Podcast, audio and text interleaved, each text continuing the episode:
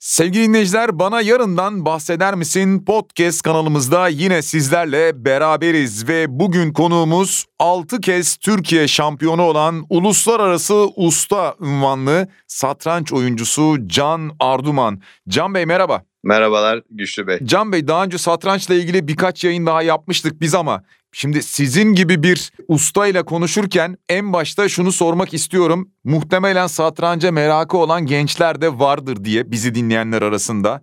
Sizin bu başarılarınız öncesinde satrançla tanışmanız nasıl oldu ve ardından da bunu profesyonel olarak hayatınıza nasıl kattınız? Ee, satrançla tanışmam benim ailemle oldu. Babam satranç oynardı.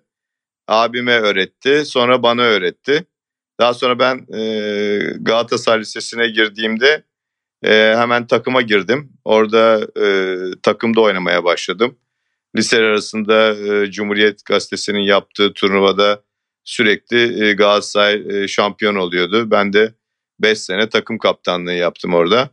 Daha sonra işte e, milli takım, e, küçükler, yıldızlar, küçükler işte daha da o zamanlar gençler vardı. Küçükler, yıldızlar yoktu şimdi olan. E, sadece küçükler vardı pardon bir de gençler vardı. E, ve e, milli takıma girdim. Sonra işte birkaç defa Türkiye ikincisi, üçüncüsü falan olduktan sonra hatta babam bir gün bana oğlum artık sen bu satrancı bırak dedi. Yani Türkiye şampiyonu olamıyorsun dedi. e, evet aynen öyle oldu. E, ve e, fakat sonra bir 93 senesinde ilk Türkiye, Türkiye şampiyonumu kazandım. Kazanış o kazanış. Sonra 94 96, 97, 98 ve 2002'de Türkiye şampiyonu oldum. Yani 6 kez Türkiye şampiyonu oldum. Ee, uluslararası da ustayım. Yani e, aslında sizin söylediğiniz gibi ben hiç profesyonel olmadım. Çünkü profesyonellik aslında o gün benim dönemimde o günlerde e, pek e, var diyemeyeceğim. Yani yoktu. Hmm. Çünkü çok yaygın değildi satranç şimdiki gibi e, yani yüz binlerce lisanslı oyuncu var. Yani milyona yaklaştı neredeyse Türkiye Satranç Federasyonu'nun e, lisanslı oyuncu sayısı. E, ve tabii ki satranç şu anda e, para kazanılabilir bir spor haline aldı yani aslında. Dediğiniz gibi yani o dönemler öyle dönemler değildi ama yine de o dönemin de herhalde sizin için büyük bir heyecanı vardı diye düşünüyorum. Şimdi ben şu anda sizinle röportaj yaparken mesela daha doğrusu bu röportajı planlarken bile heyecanlandım. Yani sizin isminizi biliyordum zaten. Evet. Bir de röportaj gelince üstüne daha bir heyecan oldu. Peki o dönem sizin için nasıldı? Yani o e, mesela babanıza demiş ya galiba olamayacaksın şampiyon bırak demiş size. Evet. O dönem sizin için şampiyonluğa giden yol nasıldı? Veya şampiyon olduktan sonra nasıl bir beklentiniz vardı? E, bir hırs mı oluşturuyordu sizde veya nasıl bir keyif veriyordu? Yani bunu tabii tarif etmek çok kolay değil ama insan e, tabii ki böyle gönül verdiği bir e, spora diyeyim e, en iyisi olmak istiyor. O ülkede siz kendinizi kanıtlamak istiyorsunuz. En azından kendi kendinize kanıtlamak istiyorsunuz. E, bir hedefiniz oluyor. Yani Türkiye şampiyonluğu benim için o zamanlar hedefti.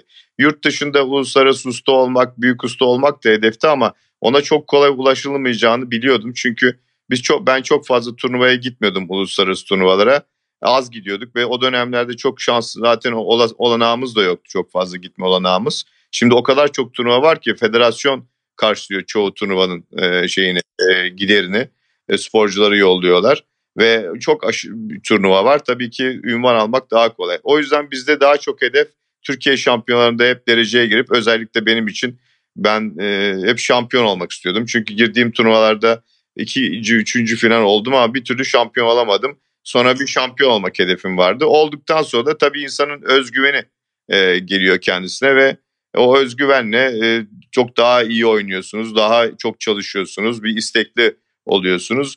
Ama tabii üzerinizde de bir baskı oluyor. Hep başarı, aynı başarıyı tekrarlama baskısı. Ee, yani çok açıkçası zevk alarak, severek yaptığım bir spordu.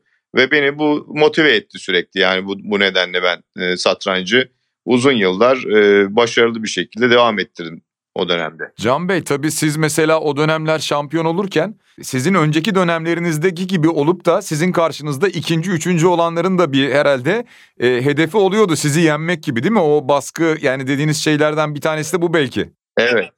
E tabii ki e, çok doğru yani bu e, oluyordu. Sonra zaten açıkçası son artık dönemlerde gençler çok yetişmeye başladı ben de eskisi gibi satrancı çalışmamaya başladım. Çünkü yani bir yerden sonra artık e, çok çalışmanız gerekiyor. Aşırı derecede e, teori gelişti, satranç teorisi.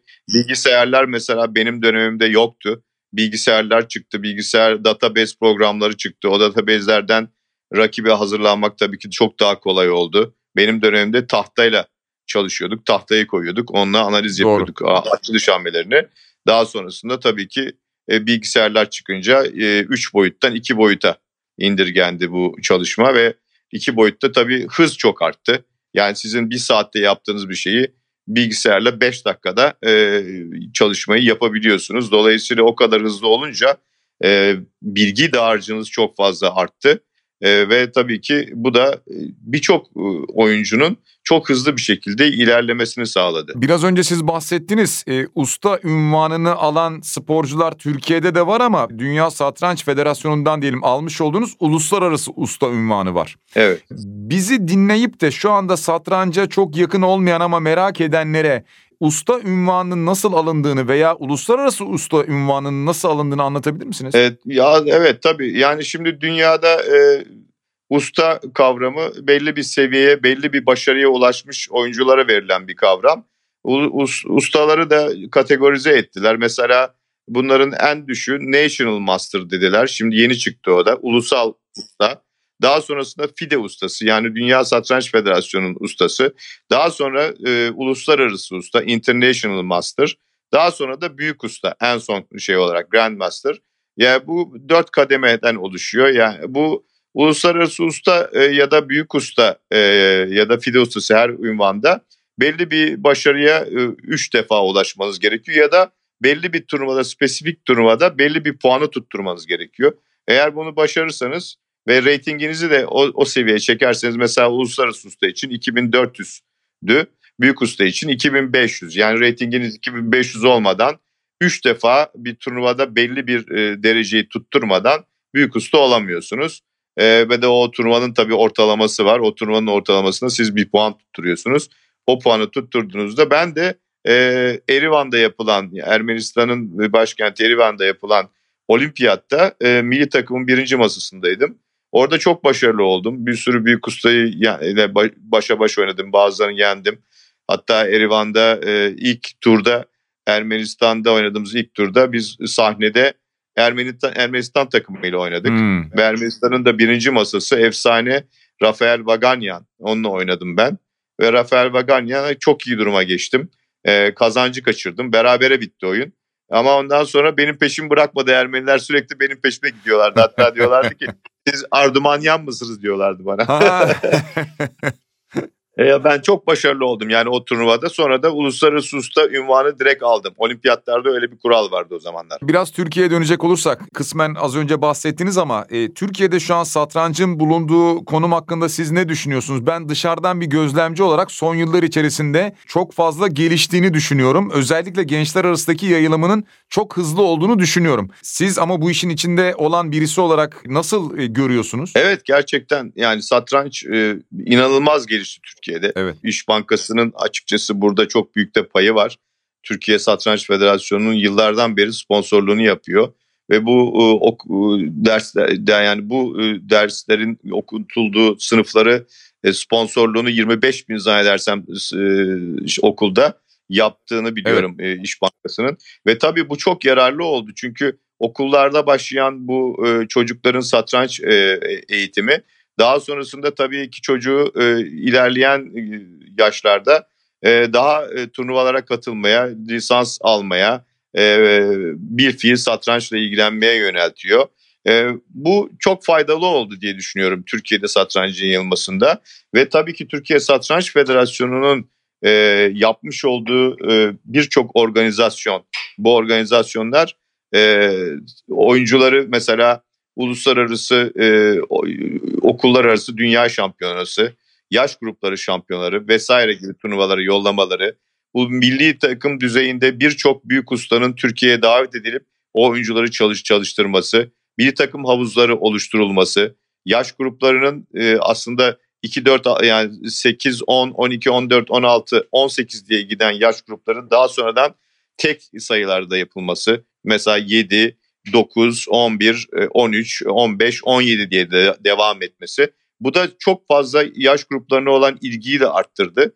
Mesela bu sene yapılacak yaş grupları Türkiye şampiyonası ve bu şampiyonada e, bildiğim kadarıyla 1500'e yakın Covid'den dolayı e, açıkçası yarıya e, düşüyor. Bu sayı yarıdan da az düşüyor hatta düşüyor.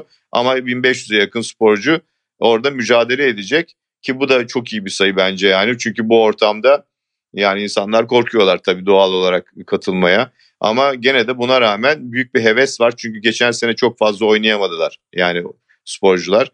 Fakat gene de yani sayı çok fazla.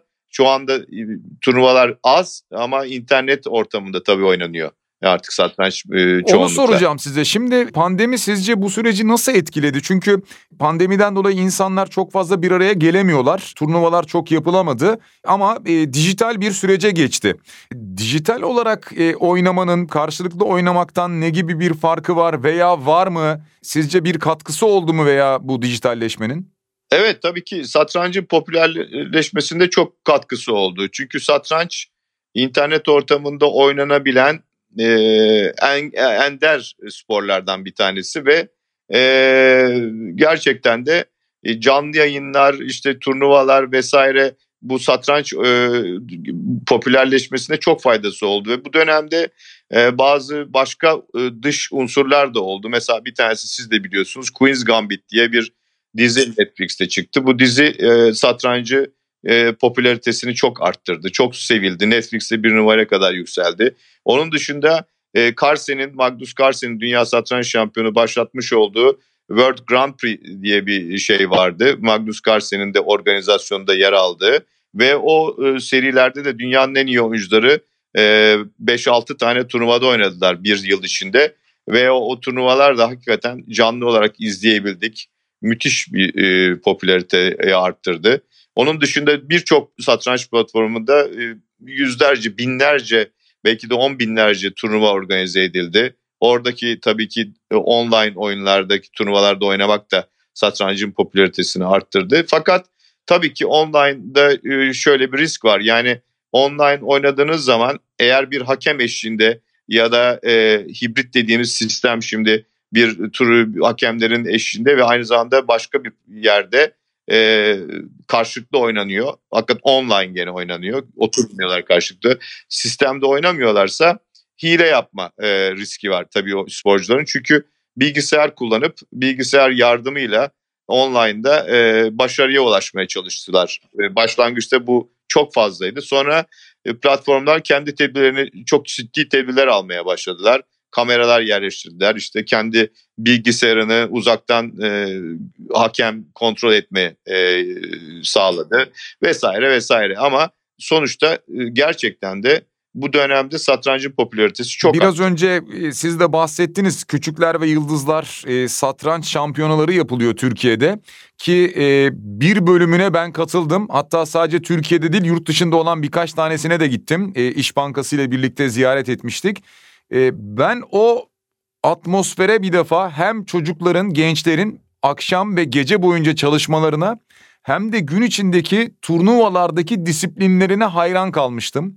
Ee, biraz bu e, disiplini veya oradaki atmosferi de siz anlatabilir misiniz? Öyle yani e, bu yaş grupları küçükler yıldızlar şampiyonaları e, açıkçası bir sporcunun yani genç yaştaki bir sporcunun 7 yaş olabilir, 9 yaş olabilir, 15 yaş olabilir fark etmez e, bütün bir sene kendi e, hocalarıyla çalışıp orada kendini gösterebildiği bir platform. Yani orası aslında milli takım havuzuna girmek için e, büyük bir fırsat. Dolayısıyla bütün bir sene hazırlanıyor ona. E, bir başarı elde ettiği zaman mesela milli takım havuzu yanılmıyorsam 10 kişi ya da 12 kişiye çıkartıldı son zamanlarda. O havuza girdiği zaman orada artık çok kuvvetli e, hocalarla çalışma şansını yakalayacak uluslararası turnuvalara gitme şansını yakalayacak. Dolayısıyla bir anda öne açılacak. Yani çocuk kendini çok daha üst seviyelere atma fırsatını bulacak. O yüzden tabii ki o kadar zaman çalışıp da o turnuva artık onun için bir yani pik noktası olduğu için onu çok disiplinli çalışıyorlar. Hocaları başlarında oluyor. Gidiyorlar hepsiyle tek tek ilgileniyorlar. Maçlar sırasında beraber hazırlıklar yapılıyor. Ee, takım olarak da çalışıyorlar. Yani onların belli bir satranç kulübünün belli oyuncuları var. Onlar beraber de olabiliyor. Yani orası aslında çok önemli bir e, turnuva onlar için. Bu noktada hem bu turnuvalara katılan gençler veya e, satranca merak duyan gençler için soracağım size bunu. Onlara Hı hı. ne tavsiye edersiniz? Yani ilerlemeleri için ne tavsiye edersiniz, ne önerirsiniz? Veya şampiyonlara hazırlanmak isteyen gençler olabilir. Öneriniz ne olur? Ee, yani şimdi gençlerin tabii ki öncelikle hedefleri ne olduğunu belirlemesi lazım. Bir spor yapıyorsanız hedefiniz nedir? Yani hedefiniz profesyonel olup çok üst seviyelere çıkıp bir ünvan mı almak? Ya da Türkiye şampiyonu olup gene ünvan alıp e, milli, uluslararası düzeyde e, kendinizi kanıtlamak mı? Yoksa satrancı zevk alarak mı oynamak? Bu hedefleri yani koyduğunuz zaman ona göre hazırlığınızı yapabilirsiniz. Ama çok üst düzeylere ulaşmak isteyen bir sporcunun öncelikle e, çalışacağı materyalleri ve kişileri iyi seçmesi gerekiyor. Ve şunu da hiçbir zaman unutmaması gerekiyor. Satranç e, yetenek ve e, tabii ki sizin kendi içinizde bulunan çalışma e, arzusu ve aynı zamanda da isteğiyle beraber gelişiyor. Ama bu yeteneğinizden çok daha fazla olmalı. Yani çalışma arzunuz çok yüksek seviyede olmalı. Çünkü ben çok yetenekliyim bırakırım e, kendi kendine gelişirim dediğiniz zaman satrançta ilerletemezsiniz. Yani yeteneğiniz %20 ise çalışma %80'dir başarıya ulaşmada. Dolayısıyla çok çalışmaları gerekiyor. Bir kere bunu unutmasınlar. Çalışmak için de iyi materyal seçip kitap olsun, işte bilgisayar programları olsun, çalıştıkları hoca olsun bunları da iyi seçip araştırıp e, bunu yönelmeleri gerekiyor. Yoksa böyle Queen's Gambit'te izlediğimiz gibi tavanda piyonlar hareket etmiyor herhalde değil mi geceleri? Yani tabii o e, insan yani düşünürken e, beyninde e, bir pozisyonu canlandırıyor.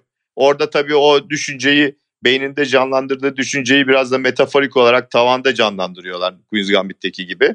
Ama insanlar eskiden mesela biz hep tahtaya bakarak düşünürdük. Şimdi mesela bazı oyuncular e, tavana bakıp düşünüyorlar. Çok oyuncu var yani hala büyük ustalar arasında da öyle düşünen. Çünkü neden?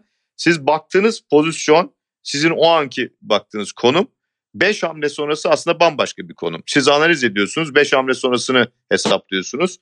O anki konuma sürekli bakarsanız bazen o konumun etkisinde kalıyorsunuz. Ve pozisyon değişmiş o, o pozisyon. Halbuki taşınız mesela bir yerden başka bir yere gidiyor kafanızda hesap yaparken. Ama o anki pozisyonda o taş orada duruyor. O sizi bazen yanıltabiliyor. O yüzden sporcular bazen tahtaya bakmadan da hesap yapıyorlar. Yani o biraz aslında kişiden kişiye değişebilen bir Şöyle durum. bir kanı vardır ya sizin hayatınızda da var mı böyle bir şey veya doğru mu bu? İşte satranç oyuncuları hayatlarını da çok iyi yönetirler. Çünkü işte bir sonraki hamleyi, iki sonraki hamleyi, her türlü ihtimali hayatlarında hep düşünürler derler. Ee, Evet. böyle midir gerçekten? E, yani şöyle bu tabii her o- oyuncu için söylemek zor bu. Her satranç oyuncusu için söylemek zor ama bende kesinlikle öyle. E, çünkü e, satranç belli bir seviyeye geldiğiniz zaman bir kere size analitik düşünmeyi veriyor. Analitik düşünce de aslında hayatın her alanına indirgeyebilirsiniz. Yaptığınız her e, işte ya da aldığınız her kararda o kararı almanızı e, etkileyecek ya da seçmenizi e, kolaylaştıracak bazı hesaplar yapıyorsunuz kafanızda. Genellikle satranç oyuncularının bir farkı da bir hamle sonrasını değil 4-5 hamle sonrasını düşünürler. Yani daha uzun vadeli düşünürler. O zaman tabii ki başarı uzun vadeli düşündüğünüz zaman ya aldığınız kararların başarılı olma olasılığı artıyor. Çünkü kısa vadeli alınan kararlar genellikle günü kurtarır ama uzun vadeli alınan kararlar kalıcıdır ve doğru, doğru kararlardır genellikle. Evet bunu da işte ise öğrenmiş olduk. Hem de bizi dinleyen gençler veya aileleri varsa onlar için de önemli bir bilgi oldu bu. Genelde satranç oyuncularına bu soru sorulur. O nedenle ben de merak ediyorum. Ee, sizin unutamadığınız bir karşılaşmanız muhakkak vardır. Belki birçok vardır ama böyle bir tanesini soracak olsam unutamadığınız karşılaşma veya bir hamle de olabilir belki bu bilmiyorum var mı? Güzel bir soru. Unutamadığım. Böyle karşılaşma. yayın anında sorulunca birdenbire de akla gelmez ama E, Evet yani e, tabii çok oyunum var. Unut yani o yani birçok büyük ustalarla oynadığım oyunlar var. E, ilk yendiğim büyük ustalardan bir tanesiydi mesela Abramovich geçtiğimiz günlerde vefat etti. Allah rahmet eylesin. E, şeyde Atina'da katıldığım bir turnuvada, e, bir büyük usta turnuvasında oynamıştık kendisiyle. E, onu çok güzel kazanmıştım ona karşı. O oyunu hiç unutamam. Gerçekten çok iyi bir oyun oynamıştım. Onun dışında Türkiye şampiyonu olduğum e, günü hiç unutamam. Yani o gün benim ilk Türkiye şampiyonu olduğum gün. E, benim hayatımda bir dönüm noktası diyebilirim. Çünkü insan hep hedeflediği şeye ulaşmak ister. Ona ulaştığınız zaman aslında e, belki de yani hayatınızın en mutlu günü olur o, o gün. O günü unutamam. Yani böyle dönem e, böyle hani günler var tabii ama e, tek başına bir oyun şu oyun dediğim belki de şey olabilir. Gene bir olimpiyatta oynadığım bir e, Brezilya'nın birinci masasıydı ya da ikinci masası. Onu yendiğim oyun da çok iyi bir oyundu. Çok zevk alarak oynamıştım. Yani bazen insan kendisinden çok gurur duyar. Hani ya oyunu oynarsınız, kazanırsınız, kaybedersiniz önemli de bazen çok iyi oynarsınız. Oynadığınız oyundan da büyük zevk alırsınız. İşte öyle oyunlar beni etkilemiştir yani kendi hayatımda. Çok büyük e, pişmanlık duyduğunuz bir hamle var mıydı? E, çok büyük pişmanlık duyduğum hamle yani tabii kaybettiğiniz oyunlarda hep böyle e, genellikle e, kötü hamleler oynarsınız yani oyun içinde. Ve bu hamlelerin bazıları iyi pozisyondayken ya da kazanca çok yakınken yapıldığı zaman onlardan çok üzülürsünüz. Yani gerçekten kaçırmışsınızdır kazancı ve başka bir hamle, kötü bir hamle yapmışsınızdır. Tabii onlar insanda büyük hayal kırıklığı yaratıyor. Gece uyuyamıyorsunuz. Oyunu aklınızdan çıkartamıyorsunuz. Evet. Öyle şeyler oldu tabii ama yani çok oldu ve bazıları işte hakikaten çok etkiledi ama ben öyle çok üstüne tut, durmazdım. Çünkü genellikle benim kişi tabii bu insanın kendi kişiliğiyle alakalı bir şey. Ben kötü şeyleri çabuk silebiliyorum. Ama bazı insanlar çok etkisinde kalabiliyorlar. Yani e, halbuki taşımamak gerekiyor bir sonraki güne. Çünkü hayat devam ediyor. Turlar devam ediyor. Mücadele devam ediyor. Eğer takılır kalırsanız onun çok etkisinde kalırsınız ve başarınız etkilenir e, diye düşünüyorum. Can Bey son bir şey daha soracağım size. Bu tip turnuvalarda e, ben gözlemliyorum dostluklar, arkadaşlıklar da kuruluyor. Acaba gerçekten böyle mi? Devam eden dostluklar, arkadaşlıklar oluyor mu? Hem de hatta belki de uluslararası alanda. Ya benim satrançta çok arkadaşım, çok dostum oldu ve hala da görüştüğüm çok insanlar var. Uluslararası alanda da oldu. Onlarla ama çok fazla görüşemedik. Yani belli bir şeyde. Şimdiki dönemle benim dönemim arasında büyük bir fark var. Çünkü şu anda artık sosyal medya var biliyorsunuz. Sosyal medya sayesinde insanlar birbirleriyle iletişimi hiç kaybetmiyorlar. Sürekli görüşüyorlar. Ben de o sayede çok eski arkadaşlarımla görüştüm, ettim, devam ediyorum vesaire ama e, eskiden tabii o yoktu. E, o yüzden belli bir süre turnuvadan turnuvaya görüşüyorduk yani neredeyse. Sonra o telefonlarla konuşma çok pahalıya geliyordu. Siz de belki Doğru, hatırlarsınız. Tabii. Bilmiyorum. Çok pahalıydı uluslararası konuşmalar yani yazılırdınız operatör falan hala bayağı bir şey tutardı. e sonra tabii bu cep telefonları falan çıktıktan sonra bunların hepsi değişti. Sonra internet ya. telefonları çıktı.